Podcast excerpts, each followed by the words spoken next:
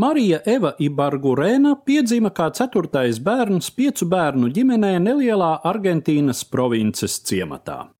15 gadu vecumā viņa devās uz galvaspilsētu Buenos Airesu, Un būdama ne tikai skaista sieviete un talantīga aktrise, bet arī radošām idejām bagāta, dažu gadu laikā izveidoja sekmīgu karjeru uz skatuves, kino, radiofonā un uz žurnālu vākiem. Šai laikā viņa pieņēma sev skatuves pseidonīmu Eva Duarte. Piedaloties palīdzības akcijā zemestrīcē cietušās Sanjuanas pilsētas iedzīvotājiem 1944. gadā, Eva Duarte pirmo reizi sastapās ar akcijas organizētāju, valdošās huntas dalībnieku pulkvedi Juanu Peronu. Jau dažus mēnešus vēlāk, 24 gadus vecā Eva un 48 gadus vecais pulkvedis Perons uzsāka kopdzīvi.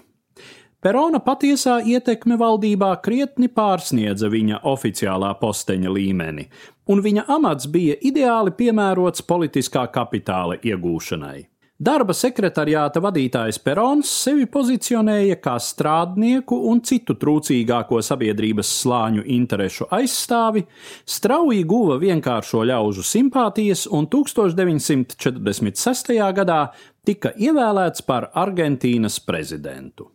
Un Eva šai ziņā izrādījās viņam īsta likteņa dāvana. Perons visai drosmīgi iesaistīja dzīvesbiedri politiskajā darbībā, kura tolaik Argentīnā bija nevien izteikti vīrišķa, bet arī militarizēta sfēra. Daži avoti apgalvo, ka pulkveža Perona kreisi orientētās sociālās politikas īstā autore ir tieši Eva Perona.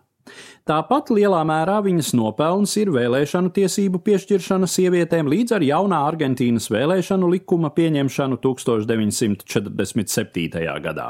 Pamazām aktrise Eva Duarte kļuva par Evitu, nācijas simbolu, plašu tautas masu interešu izpratēju, paudēju un aizstāvi.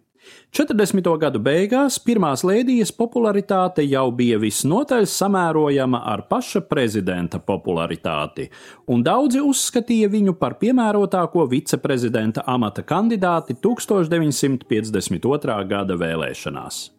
Tomēr jau 1950. gadā Evitai tika diagnosticēts dzemdes kakla vēzis.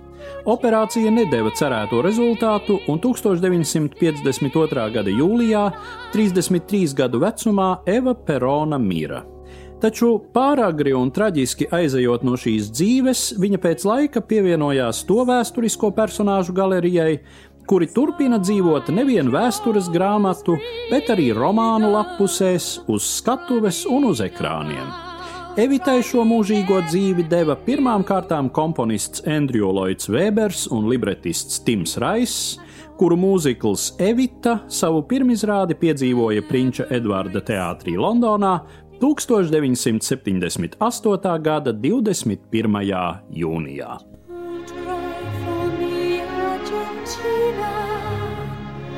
The truth is, I never left you.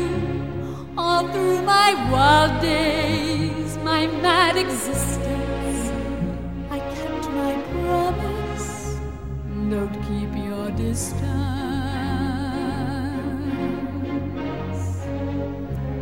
And as for fortune, and as for... Stāstīja Eduards Liniņš.